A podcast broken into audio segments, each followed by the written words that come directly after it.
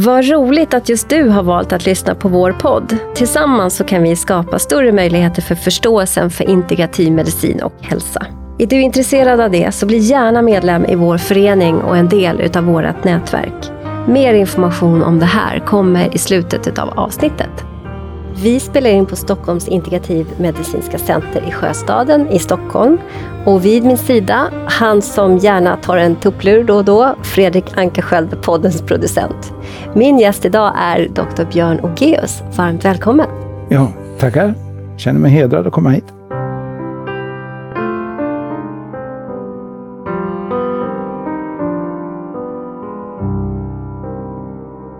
Björn, du är legitimerad läkare och specialist i anestesiologi. Mm. Du har arbetat med rehabilitering som smärtläkare i över 25 år inom offentlig sjukvård och bedrivit undervisning, smärtfrågor, psykosomatik, kris, konflikthantering faktiskt ända sedan 1980-talet. Ja. Idag kallar du dig för psykosomatiker. Mm. Men innan du läste till läkare så var du marinbiolog. Ja. En, en stor växling från det ena till det andra. Vill du ja, berätta? Ja, det var ju det att jag, jag har ju med mig ett intresse för naturen från början. Och då valde jag att läsa olika eh, biologiska ämnen vid Uppsala universitet. Så det blev 11 betyg i olika sammanhang. Då. Och eh, det ändade ut i att jag började forska på eremitkräftor nere på västkusten. Eh, när man arbetar med organismer i havet och i naturen överhuvudtaget, då är man väldigt öppen för miljöfaktorer på ett annorlunda sätt eh, än vad jag upptäckte senare när jag kom in i medicinen. För då var man intresserad av detaljer, men här var det mera helheten som var intressant. Va? Och inte nog med det, utan de här eremitkräftorna jag tittar på, de hade jag med mig en del kunskaper kring, för de är höger och vänsterhänta precis som vi. Mm. De har en högerklo eller en vänsterklo som är större än den andra. Och den fightas de med. Och sen har de en liten födoklo som de äter med. Eh, och eh, medan de växer så byter de skal och det är lånta skal, precis som vi människor kan ha lånta skal. Eh, och, och, då när de hittar en eh, kollega, höll jag på att säga, som har ett större skal och de vill ha det, då blir det en strid. Och ibland så är den striden så hård så att den där fight-klon faller av. Och då undrar man, vad händer då då? Jo, då växer det ut en ny klo, men den nya klon blir födoklon och den gamla blir då fighterklon. Så de byter hänthet i sin, eh, i sin kris kan man säga då. Just det, kris och utveckling. Ja, kris och utveckling. Så det, det stämmer. Och det där hade jag ju med mig, liksom synen på miljöfaktorerna. Och sen så försökte jag ju försörja mig under tiden när jag studerade så att jag var amanuens på olika kurser och, och jag var vaktmästare på biologiska övningslaboratoriet och eh, där fanns det också en studievägledare. Eh, och när jag kom fram till ganska nära att jag var färdig med min doktorsexamen i marinbiologi, Eh, då insåg jag att det här blir inte så mycket mat på bordet. Eh, så att eh, jag gick in till den där studievägledaren och frågade, vad tycker du jag ska bli? Och då säger han till min förvåning, du ska väl bli läkare du? Och då säger jag så här, varför säger du så? Ja, du verkar ju intresserad av människor och du pratar om att du är respiratorvakt och extra knäcka på sjukhus och så. Så det tycker jag nog du ska bli. Och då började jag fundera på det och så sökte jag in och så kom jag in och så på den vägen. Har du ångrat dig? Nej, jag vill inte ha utan alla de där hundratusentals kronorna i studielån som jag hade på eh, den här forskningen innan, det ångrar jag inte heller. Nej, jag ångrar inte, utan det var mitt liv. Ja. Så skulle det mm. vara. Ja. Jag kan tänka det. Eh, det var mer en retorisk fråga eftersom vi idag mm. sitter här och jag vet ju vad vi kommer prata om och det mm. krävs sann läkekonst mm. För att komma fram till det som du har gjort och att du fortfarande brinner för det här. Ja. Det är fantastiskt. Ja, jag tror att det, det, det, finns ju en professor, jag vet inte om hon är i livet längre, en Kat Eriksson, och, och Unni Lindström, då var ju eh, finska, eh, och de har utbildat många sjuksköterskor i Sverige i etik och mm. sådana saker. Jag har läst en del utav ja, dem ja. i min utbildning. Eh, och Kat Eriksson hon, hon talade ju om medlidande på ett sätt och jag har pratat med henne om det där och jag förstod, att, eh, jag förstod vad hon menar. För det handlar alltså om ett möte med en människa som lider, eh, där man kan känna in det. Men konsten, det är att inte ta över ansvaret för det. Just det. Precis. Så det är ett större begrepp än empati, skulle mm. jag säga. Ja. Och, och då ska jag passa på att säga, för att jag, det här är ju någonting jag verkligen vill att vi fördjupar oss i om du vill det. Men mm. eh, jag tycker att man ska göra reklam för så annat som görs i den här världen som är av bragd. Och du har varit med också i en annan podd, Öppet sinne, mm. där det mhm. finns två stycken avsnitt med dig som är så väl värda att lyssna på. Verkligen jättefina samtal och ovärderlig kunskap. Där du också nämner om det här som jag gärna vill att vi ja. pratar om även här. Ja, ja, ja. ja. Mm. okej. Okay. Ja. Så jag fortsätter lite grann ja, med eh, och berättar om, om dig. Och du har haft och har ett gediget då, precis som du berättar, ett, ett, intresse för samverkan mellan kropp och själ och också då människan i sin miljö. Mm. Eh, mm. och vilket vi behöver, vi som också, liksom du, intresserar oss för trauman. Ja. För det är ju framför allt orsakat i miljö. Ja. Eh, eh, och, och då också människa, mellan kropp och själ vid och efter traumatiska mm. eh, händelser. Mm. Och i vår kontakt också inför det här avsnittet så berättade du att du har kommit fram till en strategi mm. som jag blir jätteintresserad av i att arbeta med trauman och traumatiska upplevelser. Mm. Eh, så, så att gärna om vi kan liksom fördjupa oss i det med. Mm. Eh, och så vill jag också berätta att du har skrivit två böcker. Ja. som jag själv är intresserad av. Ja. Att jag hade tänkt skicka det innan det här avsnittet och fråga så här, kan du inte ta med några sådana här böcker? Men ja, sen de tappade jag bort. tyvärr slut. De är det. För de heter då Läkebok för trasiga själar och Kartbok för vilsna själar. Och då berättade du också att du håller på med ett manus. Kan mm. du inte mm. berätta lite om det manuset? Ja, jag har skrivit eh, ett manus där jag sammanfattar eh, fram till den här eh, metaforen över traumaarbetet kan jag säga. Och jag tycker den är ganska väl genomtänkt och arbetad. sen när det var färdigt så skickade jag det till olika bokförlag. och jag mm, blev lite förvånad när jag hörde att de sa att ja men vem är målgruppen egentligen? Eh, och då sa jag att det är nog vi allihopa. Jag kan tänka mig att om jag jobbar som terapeut så kan jag hämta vissa saker i det här manuset som kan vara användbart för mig. Jag besitter inte hela sanningen, men eh, delar av det och en del erfarenhet har jag. Mm. Så då kunde nog, och även den patient som då eh, behöver, jag tror nämligen att det vi ska prata om, det är traumaedukation. Mm. Alltså undervisning eh, för att kunna ta eget ansvar. Ja. Uh, och det, det, är det som ingår i det här. Mm. I det här manuset också? Mm, ja, det finns där också. Ja. Ja. Så är manus, vad heter titeln? Pu pusslet. Ja, vad, vad, vad, hur, varför den titeln? Ja, jag menar att man ska lägga ett pussel som man ser. Mm. Delarna bygger upp en helhet mm. och så ser man det. Hos sig själv och hos andra, våra ja, patienter? Ja, man är väl delaktig antar jag i ett mm. större pussel. Mm. Så är så det nog. Mm. Ja. Uh, och uh, uh, jag tror ju att när man råkar ut för ett trauma, då, då blir ju livet eh, infruset i situationen. Alltså, eh, det, man blir levande på två ställen samtidigt kan man säga. Dels när traumat händer, om det väcker upp en massa reaktioner. Eh, och tiden stannar där på ett plan.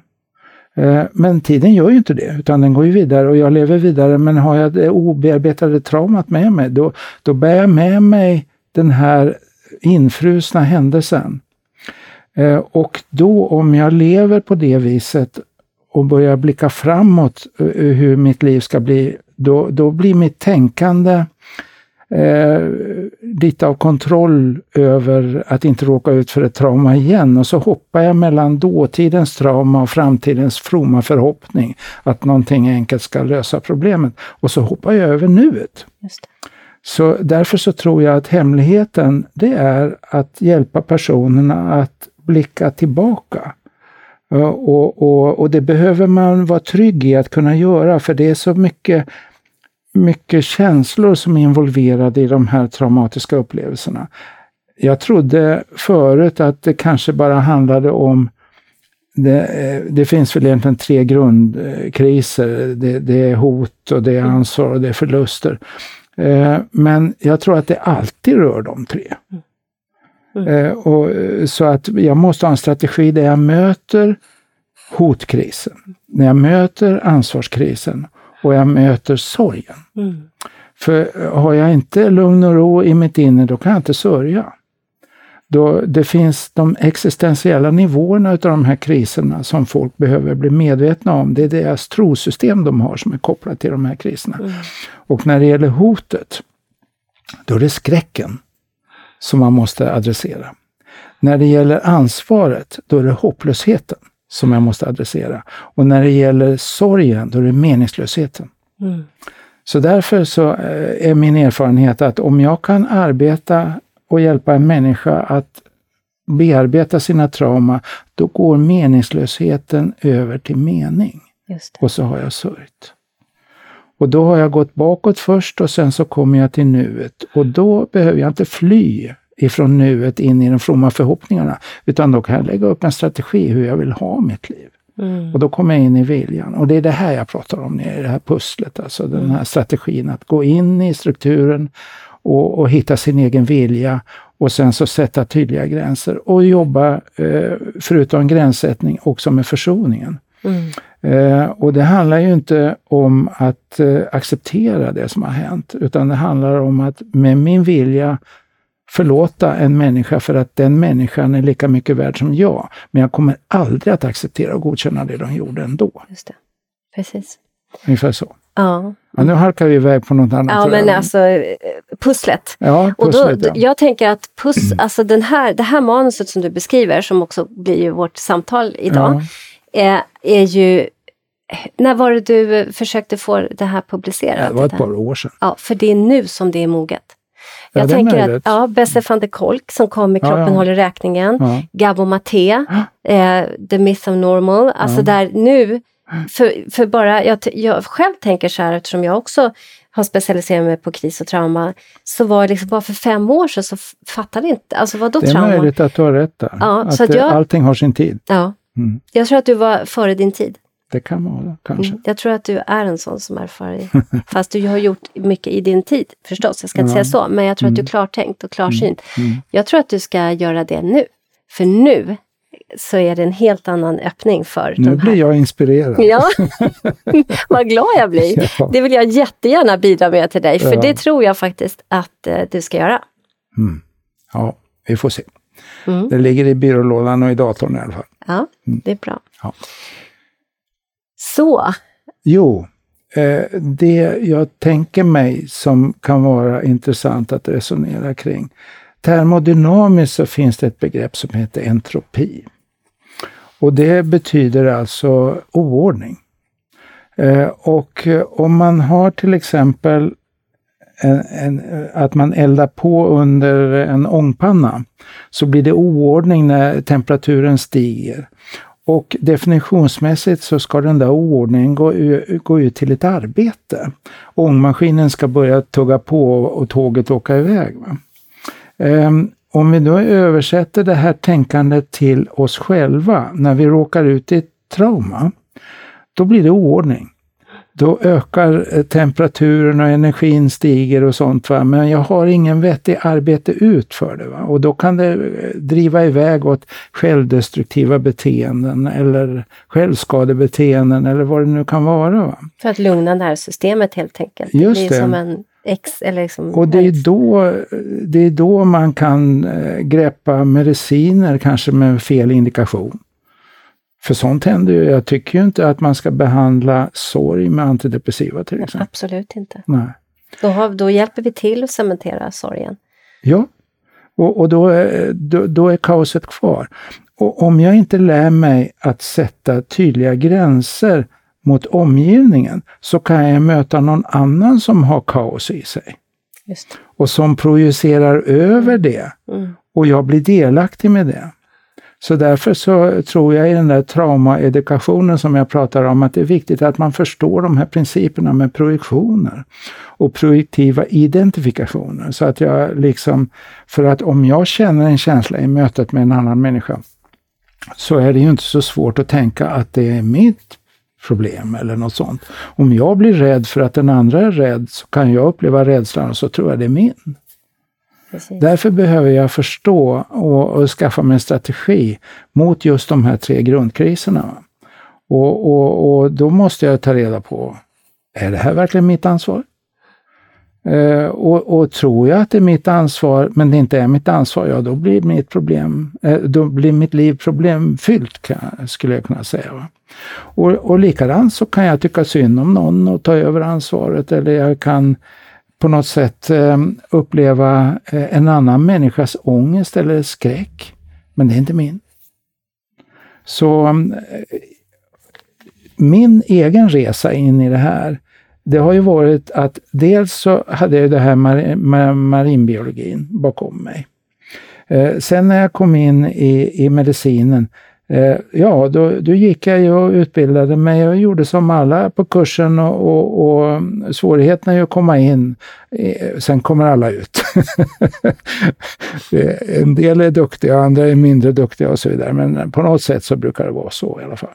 Men när jag kom ut så var jag den säkraste distriktsläkaren, alltså så att säga i, vardande på min kurs. Alla andra hade ångest vad de skulle bli.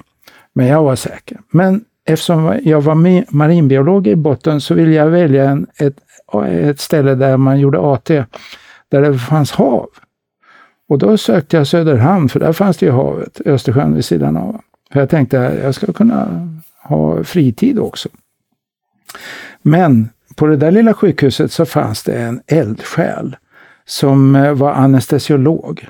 Och han hade byggt upp, långt före Ola, ambulanserna och sånt, så hade han eh, välbemannade ambulanser som åkte ut på alla akutkörningar.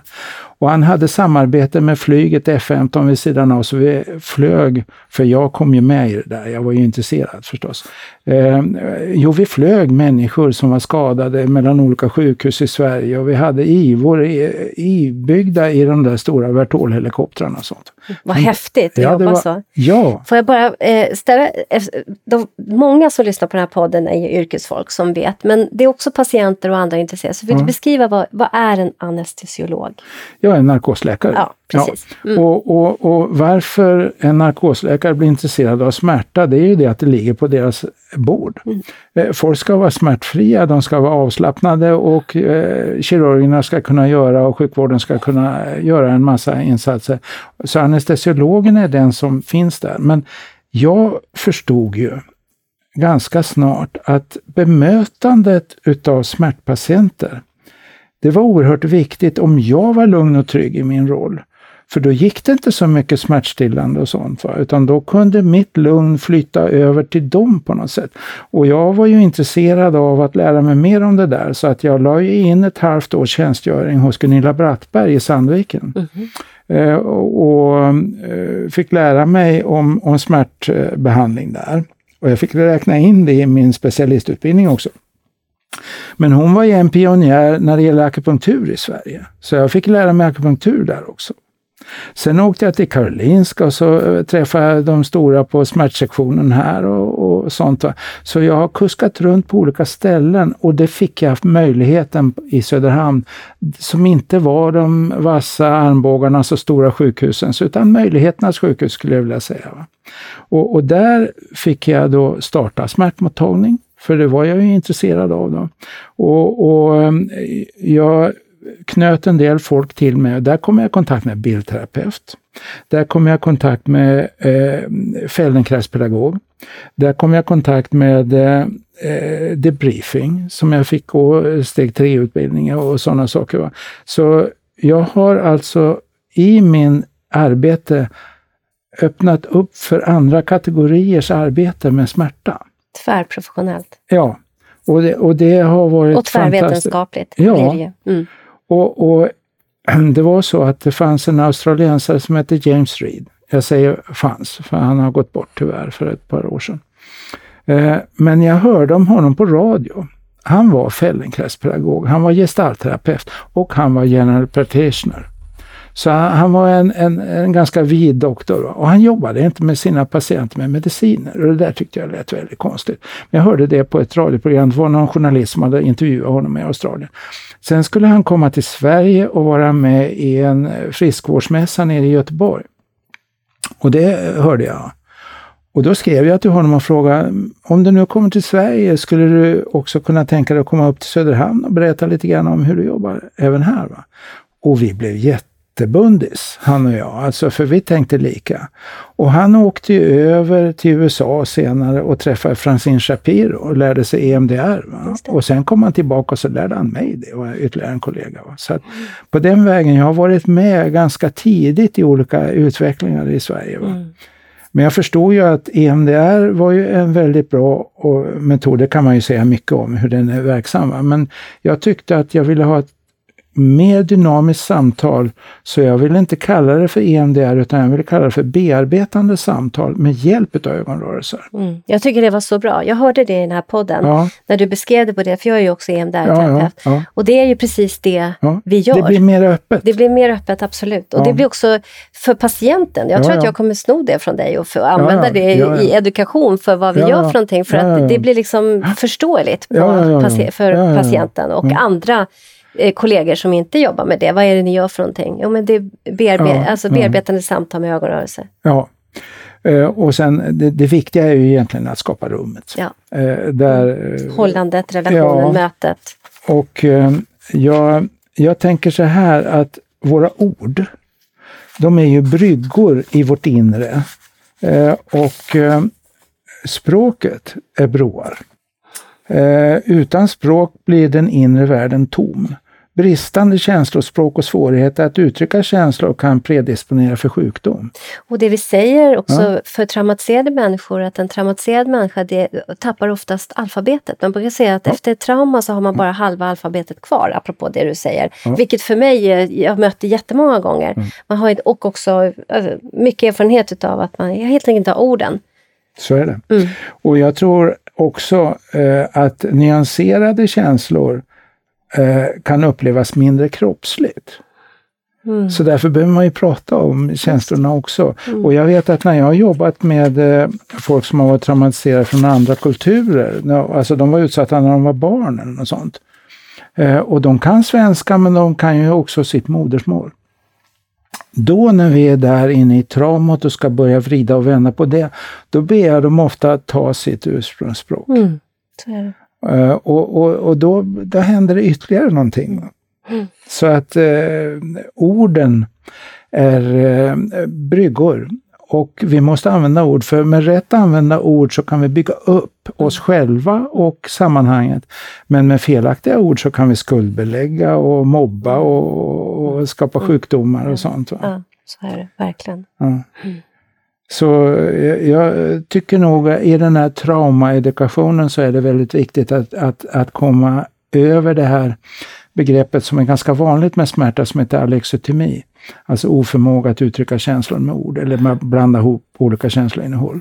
Det är ju ganska vanligt, det är inte ovanligt direkt bland män som kommer. Nej, och jag tror att det också är en stor orsak till eh, vår allt, liksom, att vår psykiska ohälsa skenar så ja. mycket. För att vi får inte heller lära oss om våra känslor. Känslor är ju bland det viktigaste, alltså det är ju som jag brukar säga det till mina mm. tonåringar jag har i behandling, att det är som ett, ett eget mjukvara i hårddisken. Ja, liksom. ja, vi måste ha den där som visar på mm. riktning och talar om vad vi ska göra och ta bort handen där. Alltså vi har mm. både fysisk och psykisk liksom, känslor som, som psykologiska känslor som vi behöver liksom meningsgöra och lyssna på. Jag tror också att det är viktigt att precis som du, du, du berättade här för ungdomarna och sånt, så tror jag att det är viktigt att vi i mötet med människor också kan säga att det du känner och upplever, det är naturligt. Ja det där är inte något konstigt. Du behöver inte ha en medicin för att du är ledsen när du har förlorat någon eller något annat. Och att du känner dig rädd och sånt. Jag, om jag får dela en, mm. en personlig ja. sak. Jag, jag jobbade under sex år med utredningar i Västerås på en enhet då. Eh, där primärvården hade skickat in folk med långvarig ohälsa och diffusa sjukdomsbilder. Och vi gjorde utredningar och, och satt diagnoser och gav olika behandlings... Eh, både hos oss och förslag. Eh, vi jobbade i team. Eh, och eh, vi var fyra team. Och eh, i, mitt team där jag var med, där fanns det en psykolog, fanns en läkare, fanns en sköterska, fanns en eh, kurator och det fanns också en fysioterapeut. Eh, och vi var ju alltså väldigt sammansvetsade och vi hade under en månads tid utredde vi enskilda individer och så gjorde vi sammanfattning och, på det hela och sånt. Men den psykolog som vi hade i vårt team blev sjuk och dog. Och det gick mm. eh, alltså hur fort som helst. Året innan hade hon åkt Vasaloppet. Mm. Och där sitter vi och ska arbeta vidare med det traumat. Mm. Eh, och vi hade handledning ifrån en väldigt duktig psykolog och disputerad ifrån Uppsala som kom en gång i månaden. Eh, och han eh, satt ju med och nu skulle vi prata om att slussa in den nya psykologen, fast den skulle inte vara med i det mötet, men i alla fall. Och vi skulle liksom försöka reagera på det som hade hänt. Va? Och han tittade på oss bara efter ett tag och så slog han ihop händerna och sa, hörni, det kan inte vara på något annat sätt. Och då började vi gråta allihopa. Mm. För vi blev bekräftade för att det var naturligt. Mm. Och det tror jag vi, mm. är en väldigt mm. viktig roll vi mm. har i att bekräfta att det du känner, det är naturligt. Mm. Du, det som är onaturligt, det är kanske det som har hänt dig. Och, och, men du är in, det är inte något fel på din reaktion. Nej, just det. Precis. Så mm. det tror jag också ingår i det hela, att ja. bekräfta. Va, ja, verkligen. Och vi är ju relationella varelser, vi behöver varandra, vi ja, är ja. inga solitärer. Nej. Vi behöver liksom den andra att hålla och på något sätt förklara och meningsgöra och verbalisera mm. det som vi känner när vi blir också kanske lite frusna och chockade och fast i, någon, i någonting. Liksom så. Mm. Så att det, ja, och just det här att också få känna, få sörja, få loss någonting, apropå att du är smärtläkare. Mm. Eh, jag har berättat i någon annan, något annat poddavsnitt, mm. också en egen privat upplevelse var att jag har jobbat som sjuksköterska mm. inom ASIH bland annat. Okay. Och även i akutgeriatriken. Och vid ett tillfälle så kom jag till avdelningen och då var det en, en patient som, var, som skrek hela tiden. Och, och I rapporten så fick jag veta att men de hade gett allt de kunde för att smärtlindra. Det gick inte att smärtlindra. Det var jättetydligt att, att den här patienten hade en höft, höftluxation och eh, man hade liksom beställt att hon skulle vidare och det skulle komma läkare och så vidare. Men vi behövde hantera situationen och då var det jag som gick på och så gick jag direkt in till den här patienten och och, och, och, den här patienten bara skrek och skrek. Jag tänkte så här, gud jag kan inte ha det så här heller för att alla andra blev också oroliga och sådär. Så jag ställde medicinvagnen utanför och bad mina kollegor ta hand om den och så gick jag in och satte mig på sängen. Mm. Och så ingen förstod, den här patienten hade varit på permission dagen innan och ingen förstod vad som har hänt. Och den, patienten skrek och skrek och så frågade jag, vad har hänt? Vad har hänt med din höft? Mm. Och efter mycket om och men, och då har jag jobbat nästan tio år i psykiatrin innan, så mm. jag tänker att jag har också det med mig. Mm. Eh, så en och en halv timme tog det för mig att få ur berättelsen om, som var då eh, väldigt traumatiskt och hade att göra med liksom, nära anhöriga som hade orsakat det här, mm. det här brottet då i höften. Mm, mm. Och när patienten kunde beskriva mm. vad som hade hänt, för det var ingen som hade frågat, Nej. utan det var ju skriket som kom istället. Ja, ja. Då var patienten smärtlindrad. Och då bestämde jag för att jag vill bli psykoterapeut. Om ett samtal kan lindra mer än morfin, så vill jag bli psykoterapeut. I det här fallet, för så är det ju inte i andra fall. Har man blivit skuren, och, alltså, så, så det är inget så här, det är en eller andra, utan både och. Men... Den första Feldenkraispedagog jag jobbade med, för att jag har ju ett antal sådana under årens lopp i olika konstellationer har jag varit. Och då brukar jag stå för samtal och de för den kroppsliga förstås. Men den första, hon var undersköterska i botten. Och så gick hon eh, Feldenkrais-utbildningen. Då. Men hon berättade att hon hade en liknande upplevelse. Eh, och det var en person som, eh, eh som hade dödsångest. Och hon var helt eh, slagen till marken själv vad hon skulle göra. Så vad gjorde hon då? Ja, hon hoppade ner i sängen och höll om. Och så dog patienten då i, i en famn som brydde sig. Mm. Inte fint? Jo, helt ja. fantastiskt. Och, och, och det, ibland så, så, så behövs det eh, en stabilitet i en gemenskap, i en trygghet, en närhet och vi vet vad viktigt det är med beröring och sådana saker. Va?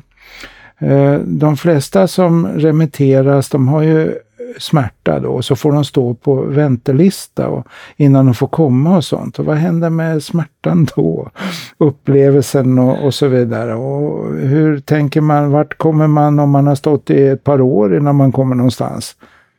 Ja, inte är det på jorden. Nej, nej verkligen. Utan det är i någon annan mm. sfär som mm. man ska bli bemött. Va? Så att det är viktigt det här mötet. Va? Jätteviktigt. Och det, det, eh, jag, jag tänker mig, eh, om vi talar om språk, att det finns ju ett språk som kallas för lingua franca. Det, det, är alltså ett hjälpspråk. Om du skulle vara från Holland och jag från Sverige och vi liksom skulle eh, träffas och prata om någonting, eh, så är det inte så enkelt med svenskan och holländskan. Men om du kan engelska och jag kan lite engelska så kanske att vi kan använda ett lingua franca. Linja franca. Linga franca. Linga franca. Ja. Aldrig hört förut. Gud vad spännande. Hjälpspråk. Ah, eh, sen nästa steg i det hela, det är alltså eh, när man danar ett nytt språk. Eh, I Nordnorge på tiden begav sig när ryssarna var där och fiskade lax, eller eh, de åkte dit och köpte lax som norrmännen fiskade.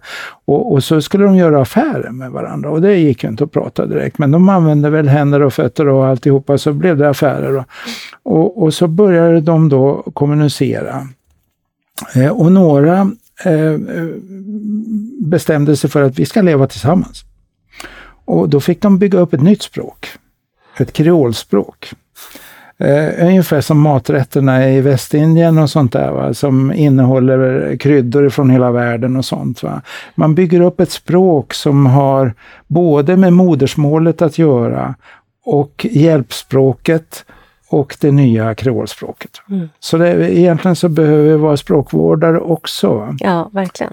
Uh, Semantik är viktigt och också förstå ja, ja, ja. att det är jätteviktigt. För man kan ju säga så här, jag ser vad du har gjort som man sa i Sydafrika, jag ser vad ni har gjort, men vi ska försonas i alla fall. Det. det. är bara ord som kan göra det. Ja, så är det. Och sen blir det handling av det hela mm. också. Mm. Så förstås. Mm. Jag, jag, tänkte bara på det här fina du sa med den här vårdaren som hade hoppat ner i sängen. Eh, innan vi träffas nu så var Jonna Bornemark här och gästade. Oh, ja. Eh, mm. podden, filosofen Jonna Bornemark. Hon har ju skrivit Det omätbaras renässans. Mm. Eh, som sin, nu fick jag lära mig hennes tredje bok, jag tror det var hennes första bok, men där hon kritiserar New Public Management. Mm som vårt styrsystem. Mm. Där, där vi har liksom i förpappringen, förpappringen och pedanternas värld ratiofierat bort intellektus. Och intellektus är mm. eh, den här läkekonsten, eller mm. att se det här, det vi inte kan mäta. Och jag har också erfarenhet som sjuksköterska, jag hade en manlig undersköterska jag jobbade med, som eh, var helt fantastisk på det här sättet. Han, han, var, han, från, inte, han var inte svensk, han var från ett annat land. Mm. Ibland, det behöver inte alls vara på det sättet, men jag tänkte där och då i alla fall att det hade att göra med hans kultur mm. och hans eh, stora vördnad för, för äldre människor. Mm. Och att när, och särskilt vid ett tillfälle så tog han väldigt, väldigt fin hand om en, en gammal kvinna som också hade väldigt svåra smärtor och skulle avlida. Mm. Där han var otroligt nära henne, kramade henne, var mm. nära henne och höll mm. den här och hon var så lugn. Mm. Men flera av mina kollegor kritiserade honom så hårt så att han fick sluta. Ja. Eh, och det där tycker jag var förskräckligt för det var så mycket kärlek i det här mm eh, omhändertagande av patienten som var faktiskt inte, och i vårat ratiofierade samhälle mm. som mm. Jonna Bornemark på briljant sätt kritiserar, mm. så behövs just den här äh, läkekonsten, mötet och där vi faktiskt vågar hålla en annan människa. Då måste vi vara nära. Då kan vi inte stå en bit ifrån och observera, utan vi måste våga vara nära. Och då behöver vi självinsikt och liksom ha jobbat en del och ja. mött oss själva. Och, och vad den enskilda individen upplever, det, det är helig mark. Mm. Eh, jag tänker på när jag hörde dig berätta det där på en eh, här borta vid Stora Sköndal där jag var några år. Eh, då hade de ju då demensboenden och sånt.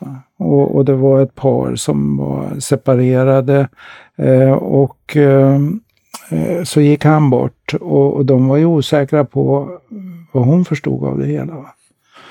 Eh, men eh, de satt på henne sorgkläder och tog henne till kyrkan och hon grät. Mm. Mm. Vad vet vi? Vad vet vi? Mm. Vad vet vi? Vi måste hålla oss eh, i vårt icke-vetande och kunna våga vara där. Ja. Vi måste inte veta allting heller, men följa processen på något sätt. Jag tror ju att trauma som inte bearbetas har ju med sig någonting som är oerhört destruktivt för, för vårt immunförsvar och det är rädslan. Eh, för rädslan eh, den eh, skärmar av och distanserar och, och flyr i allmänhet. Va? Och jag tänker mig att om vi kan hitta strategier mot rädsla, då kommer vårt immunförsvar att fungera mycket bättre. Eh, och, och, vi behöver bara titta på pandemier och eh, hela den här cirkusen som har varit mm. eh, kring det. Mm. Uh, och uh, rädsla finns ju och, och, det måste ju finnas men det får inte tappa proportionerna, vilket det gör om man inte uh, konfronterar det. det. Och där tror jag att den här metoden som du jobbar med, även jag då, alltså med ögonrörelser och närvaro i samtalet, kan göra det möjligt att konfrontera rädslan. och då behöver man ofta ha hjälp. Eh, och, och, då, vi som sitter vid sidan av, vi frågar ju vad ser du? Vad känner du? Mm. Vad tänker du? Eh, vad vill du då? Vad vill du säga? Och, och, det är ibland så att vi behöver vara lärare då. Därför att eh, vad, vad, vill du säga om de ser sig själva i en utsatt situation och sånt och de, de vet inte vad de vill säga. Eh, då kan ju jag fråga så här, är det okej okay om jag säger något? Ja, Lyssna och smaka, brukar jag säga. Eh, och så formulerar jag kanske någonting som är bekräftande för dem. Och så frågar jag, hur upplevde du det där? Ja, det känns ju rätt. Ja, men då är det din tur att säga det, för att hon eller han hör inte på mig, men på dig. Just det. Och det är då de manifesterar, det är då orden blir bärare utav försoning och gränssättning och sådana saker. Mm. Eh, mobbarna till exempel som brottas med, med eh, maktlösheten som ett paradord för mobboffren. De, de har ju fört med sig ett tankesystem där de tänker att jag blir behandlad som jag är värd. och det är jag som lockar fram det och sånt. Det där är en lögn. Och det måste man då ändra på. Mm, just det. Jag jobbar med en, en, en metod som heter symboldrama och där vi har just gör det här som du beskriver, att i det visuella, i mm. dramat, i guidningen så kan jag som terapeut gå in om patienten är utsatt och ensam. Och då vet jag att vi liksom pratar om det här att ogöra ensamheten som en utav common factors för just läkararbete. Mm. Att traumat, och det är det som Gabo Maté pratar om också, att traumat är egentligen att du blev ensam på riktigt. Han brukar ställa en fråga, vem kunde du prata med? Ingen. Säger man. Ja, men det är det som är traumat, att man blir ensam, mm. ensam på innebana. Och vi när vi jobbar med just ja, men EMDR eller symboldrama eller lifespan eller de här trauma, är just att vi går med patienten, vi delar upplevelsen och då är man inte längre ensam. Mm. Att, mm. Och det, det, skapar ju då stabilitet i individen. Alltså eh, basala behov ska ju tillfredsställas. Det, det, då, då är vi inne på mat och sömn och allt möjligt sånt. Va? Men sen behöver vi ju också eh, gemenskap.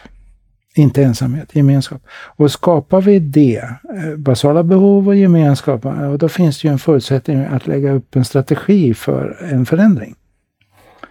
Så att gå med en bit i medlidandet men inte ta över ansvaret och sen så göra en vettig avslut, inte avbrott, för det är ju ofta det som är problemet. Mm. Att, att man eh, gör väldigt eh, kraftfulla avslut och avbrott. Men, och så åker man till andra sidan jorden, men man har ju med det ändå. Mm. Man har inte gjort avslut. Mm. Därför så jobbar jag en del med, med eh, sådana här övningar när folk får göra avslut. Och, och, Det kan vara så att man skriver ett brev till en. Så här blev det för mig att du och så vidare. Något sånt. Och, och sen när, när, när vi har delat det och jobbat med det, eh, då har vi ett ljus tänt som lyser upp den situationen och sen är det dags att blåsa ut det och riva sönder brevet. Och sen så kan man tända ett nytt ljus. Just det det nya ljuset som mm. får lysa för framtiden. Och det som, så ritualer tror jag är oerhört viktiga. Jätteviktigt. Ja. Ritualer är jätte, jätteviktigt. Det ser vi ju också i vårt samhälle. Vi har ju ja, våra ritualer som alla är med, med julafton och midsommarafton och vi har olika. Men, men många trosuppfattningar och religioner och andra har ju de här ritualerna. Vi, vi, vi tycker om att ha ritualer, ankare till någonting som vi liksom ja, förankrar oss till och, och även då ta in det i ja, det här arbetet. Och det gör det ju möjligt att göra avslut. Ja. Ritualen gör det möjligt att göra mm. avslut. Mm. Och, och um, att, att, bara ha kläderna kvar i garderoben efter den döde eh, håller ju på ett konstgjort sätt den döde kvar i livet. Va? Det, är, det går ju inte. Va? Och frågar man eh, vad tror du han eller hon skulle tänka, skulle de vilja att du plågades år ut och år in eller skulle de vilja att du levde? Ja, de vill att du ska leva. Ja, mm. och då, då måste nog de där kläderna ut ur garderoben. Mm. Precis. På något sätt. Ja. Jag tänker på manuset, pusslet, som du sa i början där. ja. Och så tänker jag på de här poddavsnitten som jag lyssnade på. För att eh, du har ju ett eget sätt att arbeta mm. för att hålla över tid. Jag vet att i ett poddavsnitt så, så berättar du där att du började känna dig väldigt trött. Ja. Och så behövde du göra, liksom, eh, bestämma dig för ditt arbetssätt för att... Just det. Du, vill du berätta om det? Ja, och det, även, här, det här med synen på alltså, eh, ansvarstagandet då, eh, alltså att jag tyckte synd om människor. Mm. Det är det du menar? Ja, mm. precis. Mm. Jo, det, det, gick ett par år och jag blev allt tröttare därför att jag förstod inte att sätta vettiga gränser. Eh, och möter man människor som lider så är det lätt att gå in och, och försöka hjälpa till. Och, och, och då tycker man lätt synd om. Men jag hjälper inte en enda människa om jag tycker synd om dem, för då krymps de ner Eh, och tror att de inte klarar det själva och då blir de beroende av mig på ett osunt sätt. Och då blir vår gränssättning inte bra därför att då respekterar de inte det, mitt privata liv, utan då kunde de ringa eh, i, tid och otid. Eh, och, och, jag vet att det var inte bara jag som var stressad av det utan min familj blev också, att vi blev störda på något sätt. Och det blev inte bättre när jag frågade, har du gjort det som vi bestämde, det vill säga det jag hade föreslagit? Nej, sa de och då blev jag ju arg också. Va? Och, och sen så inte förrän jag kom fram till att jag började fundera, ska jag fortsätta med det här jobbet? Eh, föll på lätten ner och jag förstod att det är mitt förhållningssätt. Och då tog jag ett mentalt beslut. Från och med idag ska jag inte tycka synd om en enda människa. Det kan man inte säga, för det gör man i alla fall. Men det får inte vara ett förhållningssätt. Men från och med idag ska jag inte tycka synd om dem, men jag ska tycka om dem. Och då hände det någonting märkligt för då slutade folk ringa och störa utan de kände sig eh, respekterade och sedda och då växte de istället för krympta. Mm. Ja, jag tyckte, när jag hörde det så tänkte jag att det där är genialiskt. Mm. Faktiskt, för att jag tänker att vi som jobbar så här, vi som har valt det här yrket, tycker om ja. människor. Ja. Eh, och det, det, är därför vi också vill hjälpa och det är lätt för oss att tycka synd om. Men då, går vi, då blir det gränslöst lite grann i vårt omhändertagande. Jo, men man får tillåta det i en process va, på något sätt va, och veta vad man gör på något sätt. Va. Men sen blir det ju fantastiska möten man får och det kan ju de som lyssnar på det här och kanske är exponerade, de kanske inte får så god feedback som de behöver ha. Eh, så att eh, jag brukar, när jag avslutar en samtalsserie eller något sånt där, så kan jag säga skriv en rad någon gång och berätta hur det går för dig. Mm. Vi har ju ändå jobbat tillsammans kring det här och sånt och det kommer ner. Och igår fick jag en jättefin bild från Lake District i, i, i England. Och Eh, någon som hade skrev att de samtal vi hade, de var viktiga. Nu är jag här med min bror och jag vill skicka den här bilden till dig. Så och, fint. Ja, och så fick jag också, för nu är det nog flera år sedan, ett, ett telefonsamtal en fredagkväll. Och det såg jag ju i, i, i soffan, vad, vad folket tyckte, jag på säga, min familj, va, om att det ringer en patient. Va. Eh, och, och då frågade hon så här, känner du igen mig? Hon sa sitt namn och det kunde jag ju inte säga att jag gjorde. Men eh, då började hon beskriva lite grann och då började jag ana vem hon var och sånt. Va? Och då sa hon så här, egentligen varför jag ringer, det är att jag vill säga att du sa att det kommer att ordna sig. Och, och nu vill jag berätta för dig att det har gjort det. Det var 11 år senare. Mm. Wow. Ja, det är, är inte härligt? Det är ja, vi måste, vi måste få feedback vi ja. också. Ja. För Mm. vi, vi, vi är levande vi med. Mm. Och är med i processen och, och, och när man arbetar med människor som, som i förtvivlan gråter eller något annat så, så skulle man ju vara en sten om man inte kände på något sätt i det mötet. Mm. Mm. Så är det verkligen. Mm. Och, då, och då tänker jag också så här att eh, vi har jobbat länge med trauma, men trauma som traumabegrepp är ju ändå relativt, liksom, alltså hur vi arbetar, framförallt vår kunskap nu om komplext trauma, Mm. eh, kommer nu mer och mer. Vårt Ja. samhälle pratar om det, apropå Besse van der Kolk och Gabo Matteo. Det börjar också etableras i hälso och sjukvården, den, Mm, den, mm. den traditionella hälso och sjukvården. Eh, och då för att å, liksom klara av det här med gränssättning och också så hade du en, eh, berättade du för mig att du, har, att du jobbar efter vad man kan säga nästan kanske i min värld en värdegrund. För att det ska hålla. Vill du berätta lite om det? Ja, alltså jag tänker ju att varje människa är ju lika mycket värd. Eh, sen så är livet inte rättvist. Så att vi kan inte se att för att den har blivit så eller den är så, men värdet ligger inte där. Eh, sen tror jag ju att alla har rätt till ett fritt och gott liv. Sen eh, kan vi säga att så är det inte. Men någonstans så måste vi ha en, en tanke om att livet är någonting heligt som vi ska förvalta. Och vi förvaltar allihopa. Eh, och jag tänker en, en, existentiellt så kan man ju säga så här, om jag får ta en, en bild från Bibeln, så handlar det om herremannen, det ska väl vara en bild av Gud då, som ger sig iväg och sen så har han tre tjänare. Och så ger han dem ett förvaltarskap, så den ena får fem talenter. Det är alltså massa pengar. Och någon får tre tror jag det är och en får en. Och sen är uppdraget, nu ska jag vara borta i många år och när jag kommer tillbaka vill jag ha redovisning för hur ni har förvaltat. Och då när han kommer tillbaka så kallar han dem till sig och den, du som fick fem, hur har du gjort? Jo, sa han, jag har gjort affärer och det har gått ganska bra så nu har jag tio talenter. Bra! Du kommer att få arbeta hos mig i fortsättningen också. Och du då, som fick tre? Eller om det var två. Eh, jo, jag har också eh, gjort affärer så nu har jag dubbelt så många. Det är bra. Då kommer du att få förvalta det du klarar av. Och du som fick en dag. Ja, herre, jag vet att du är så sträng så du skördar även där du inte har sått. Så jag grävde ner den. Och här får du den, säger han, glädjestrålande och ger den. Och svaret är ju ganska hårt kan man tycka. Åh du dåre, försvinn ur min åsyn och ge den till honom som har tio. Men översätt talent till talang. Ja, det. Det samma. Han grävde ner det i rädslan. Mm, Det är inte det som det handlar om. nej. Så det kan ju låta väldigt grymt och hårt, va? men Mm. vi har alla fått något att förvalta. Mm. Och det, det tror jag. Mm, Vad vi än gör. mm, Några blir stora estradörer och andra blir eh, inte det. nej. Men alla har vi något att förvalta Mm. och vi har fått livet som en gåva och det ska vi förvalta. Inte i rädsla utan Nej. i kärlek. Och nyfikenhet. Ja, Jag brukar nyfikenhet. säga det Mm. just att jag, när man jobbar med rädsla, att vi ska, vi, ska, vi ska vända din rädsla mot nyfikenhet. Ja. Och det behöver vi göra tillsammans. Ja.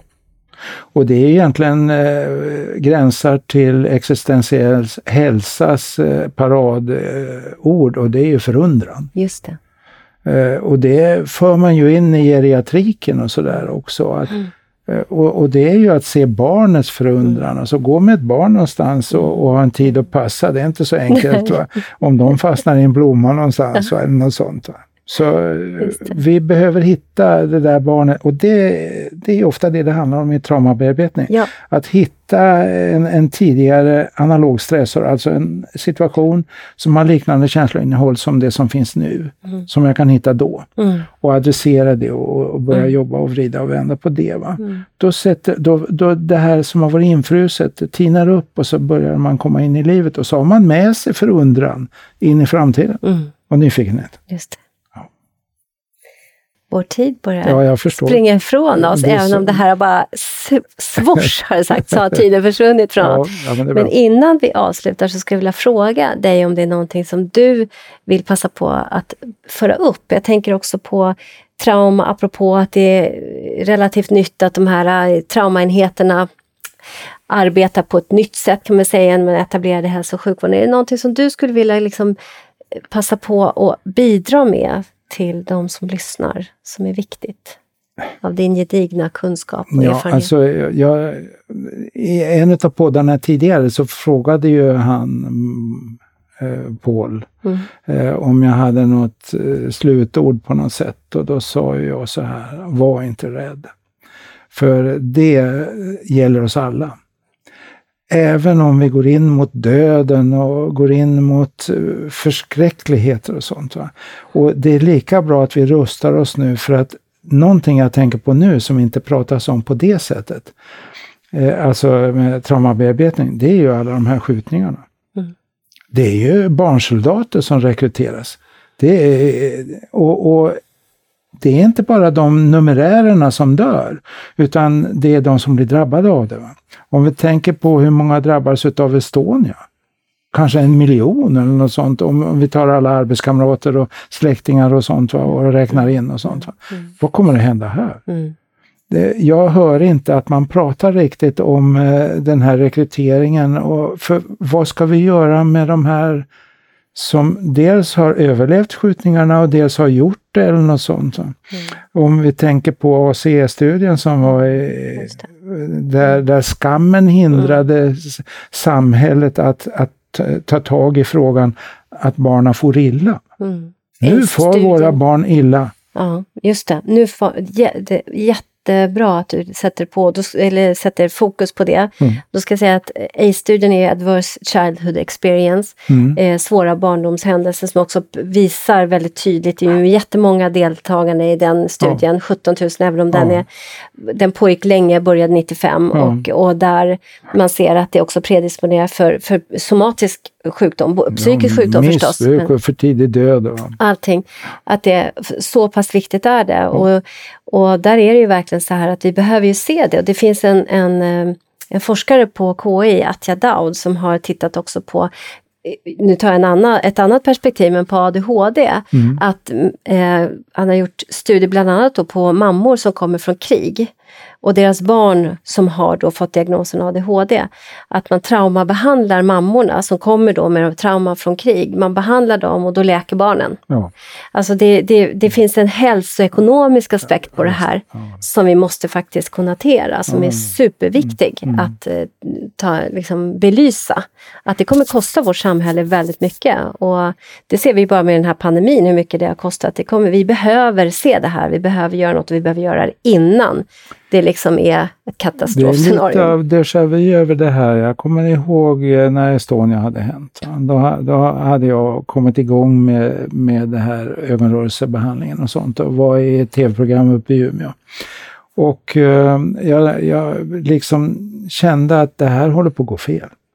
Eh, för att det var så många som la sig in i den där diskussionen och sa båten ska upp, när den ska ligga nere. Och det, det, var, det skapade en massa oro och kaos.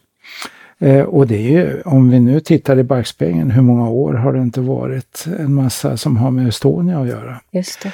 Mitt förslag då eh, var att vi skulle ett år efter olyckan skulle vi samlas allihopa och göra en manifestation kring eh, och, och sörja och vara gemensamt tillsammans. Va? Det föreslog jag. Det tyckte nog folk var bra, men det hände ju aldrig någonting där. Och jag känner samma sak här. Mm. Eh, vad, vad ska hända med alla de här skjutningarna? Mm. Och, och, eh, de barn som ska... Alltså det handlar inte om kriminella, kriminella gäng, va? det handlar om livsinställning och sådana saker. Mm. Mycket större frågor. Mm, mm. Så är det. Och också liksom, innan det, äh, var i alltså alla de här skjutningarna, barnsoldater som rekryteras. Också bakåt finns det massa trauma som gör att människor ja. också hamnat i det här. Ja, alltså det, ja. Det, oh ja. det, det, går både framåt och bakåt i tiden. Eh, generationen kommer att bli påverkade av det här. Ja. Ja. Mm. Och, och det är egentligen vi som är ansvariga för Mm. det här och då kan ju inte skammen hjälpa oss. Nej, så är det. Att vi slår ner blicken. Utan vi, vi måste våga, eh, som de sa i Göteborg, någon grupp någon gång. Man måste våga dialoga. Ja, ja exakt. Så Man måste, måste dialoga. Ja. Måste våga dialoga. Det är Mm. så viktigt. Mm. Och där vi faktiskt kan, vår förening använder oss av sokratiska samtalsregler. Ja. Eh, där liksom Sokrates såg sig själv som, ett, som en barnmorska som födde fram någonting tredje. Okej. Så då kan vi liksom mötas, Ja, även om vi liksom tycker helt olika. Så kan vi faktiskt mötas om vi vill mötas, vilket vi människor vill i grunden. Det är ju det vi vill. Så, Så, ja. ja. Så Björn Ågeus, stort varmt tack för att du vill komma hit och gästa vår podd. Och Ja, hoppas du vill komma tillbaka hit igen. Ja, ja. Och då ska vi prata om när du har publicerat pusslet. ja, vi får väl hoppas det blir sant. Tack, Tack så jättemycket. Mm. Tack.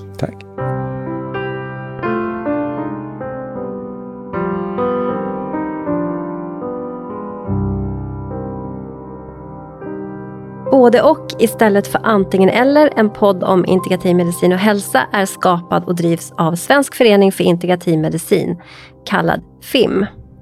FIM är ursprungligen en yrkesförening för legitimerad vårdpersonal som vill arbeta för integrativ medicin och hälsa i Sverige. Vi representerar sjuksköterskor, dietister, fysioterapeuter, läkare, psykoterapeuter, psykologer, tandläkare, för att nämna några. Och idag omfattas också våra medlemmar av associerade medlemmar som inte behöver vara legitimerade. Föreningens arbete vilar mot den vetenskapliga grund för integrativ medicin och hälsa som finns, såväl svensk som internationell, och på systemisk förståelse av människan i sin miljö. Vår förenings arbetssätt har hittills varit att arrangera konferenser, seminarier och folkbilda genom att sprida information via sociala medier. Vårt senaste tillskott är denna podd. Vår strävan inom integrativ medicin är att vara en organisation som vågar lyfta och ifrågasätta, motverka polariseringar genom tvärvetenskapliga dialoger och sokratiska samtalsregler. Vi vill kartlägga forskning som bedrivs även internationellt och hålla koll på aktuella forskningsresultat om behandlingsmetoder, både vad det gäller den etablerade vården liksom den vård som bedrivs utanför den etablerade vården. Sokratiska samtalsregler innefattas i den sokratiska samtalsformen som egentligen all grundläggande kunskap är sprungen ur, men som ibland till och med lyser med sin frånvaro i dagens public service. Så bli medlem, tillsammans kan vi förändra. Och hur du blir medlem hittar du via vår hemsida integrativ-medicin.se. Vi ses och hörs i nästa avsnitt.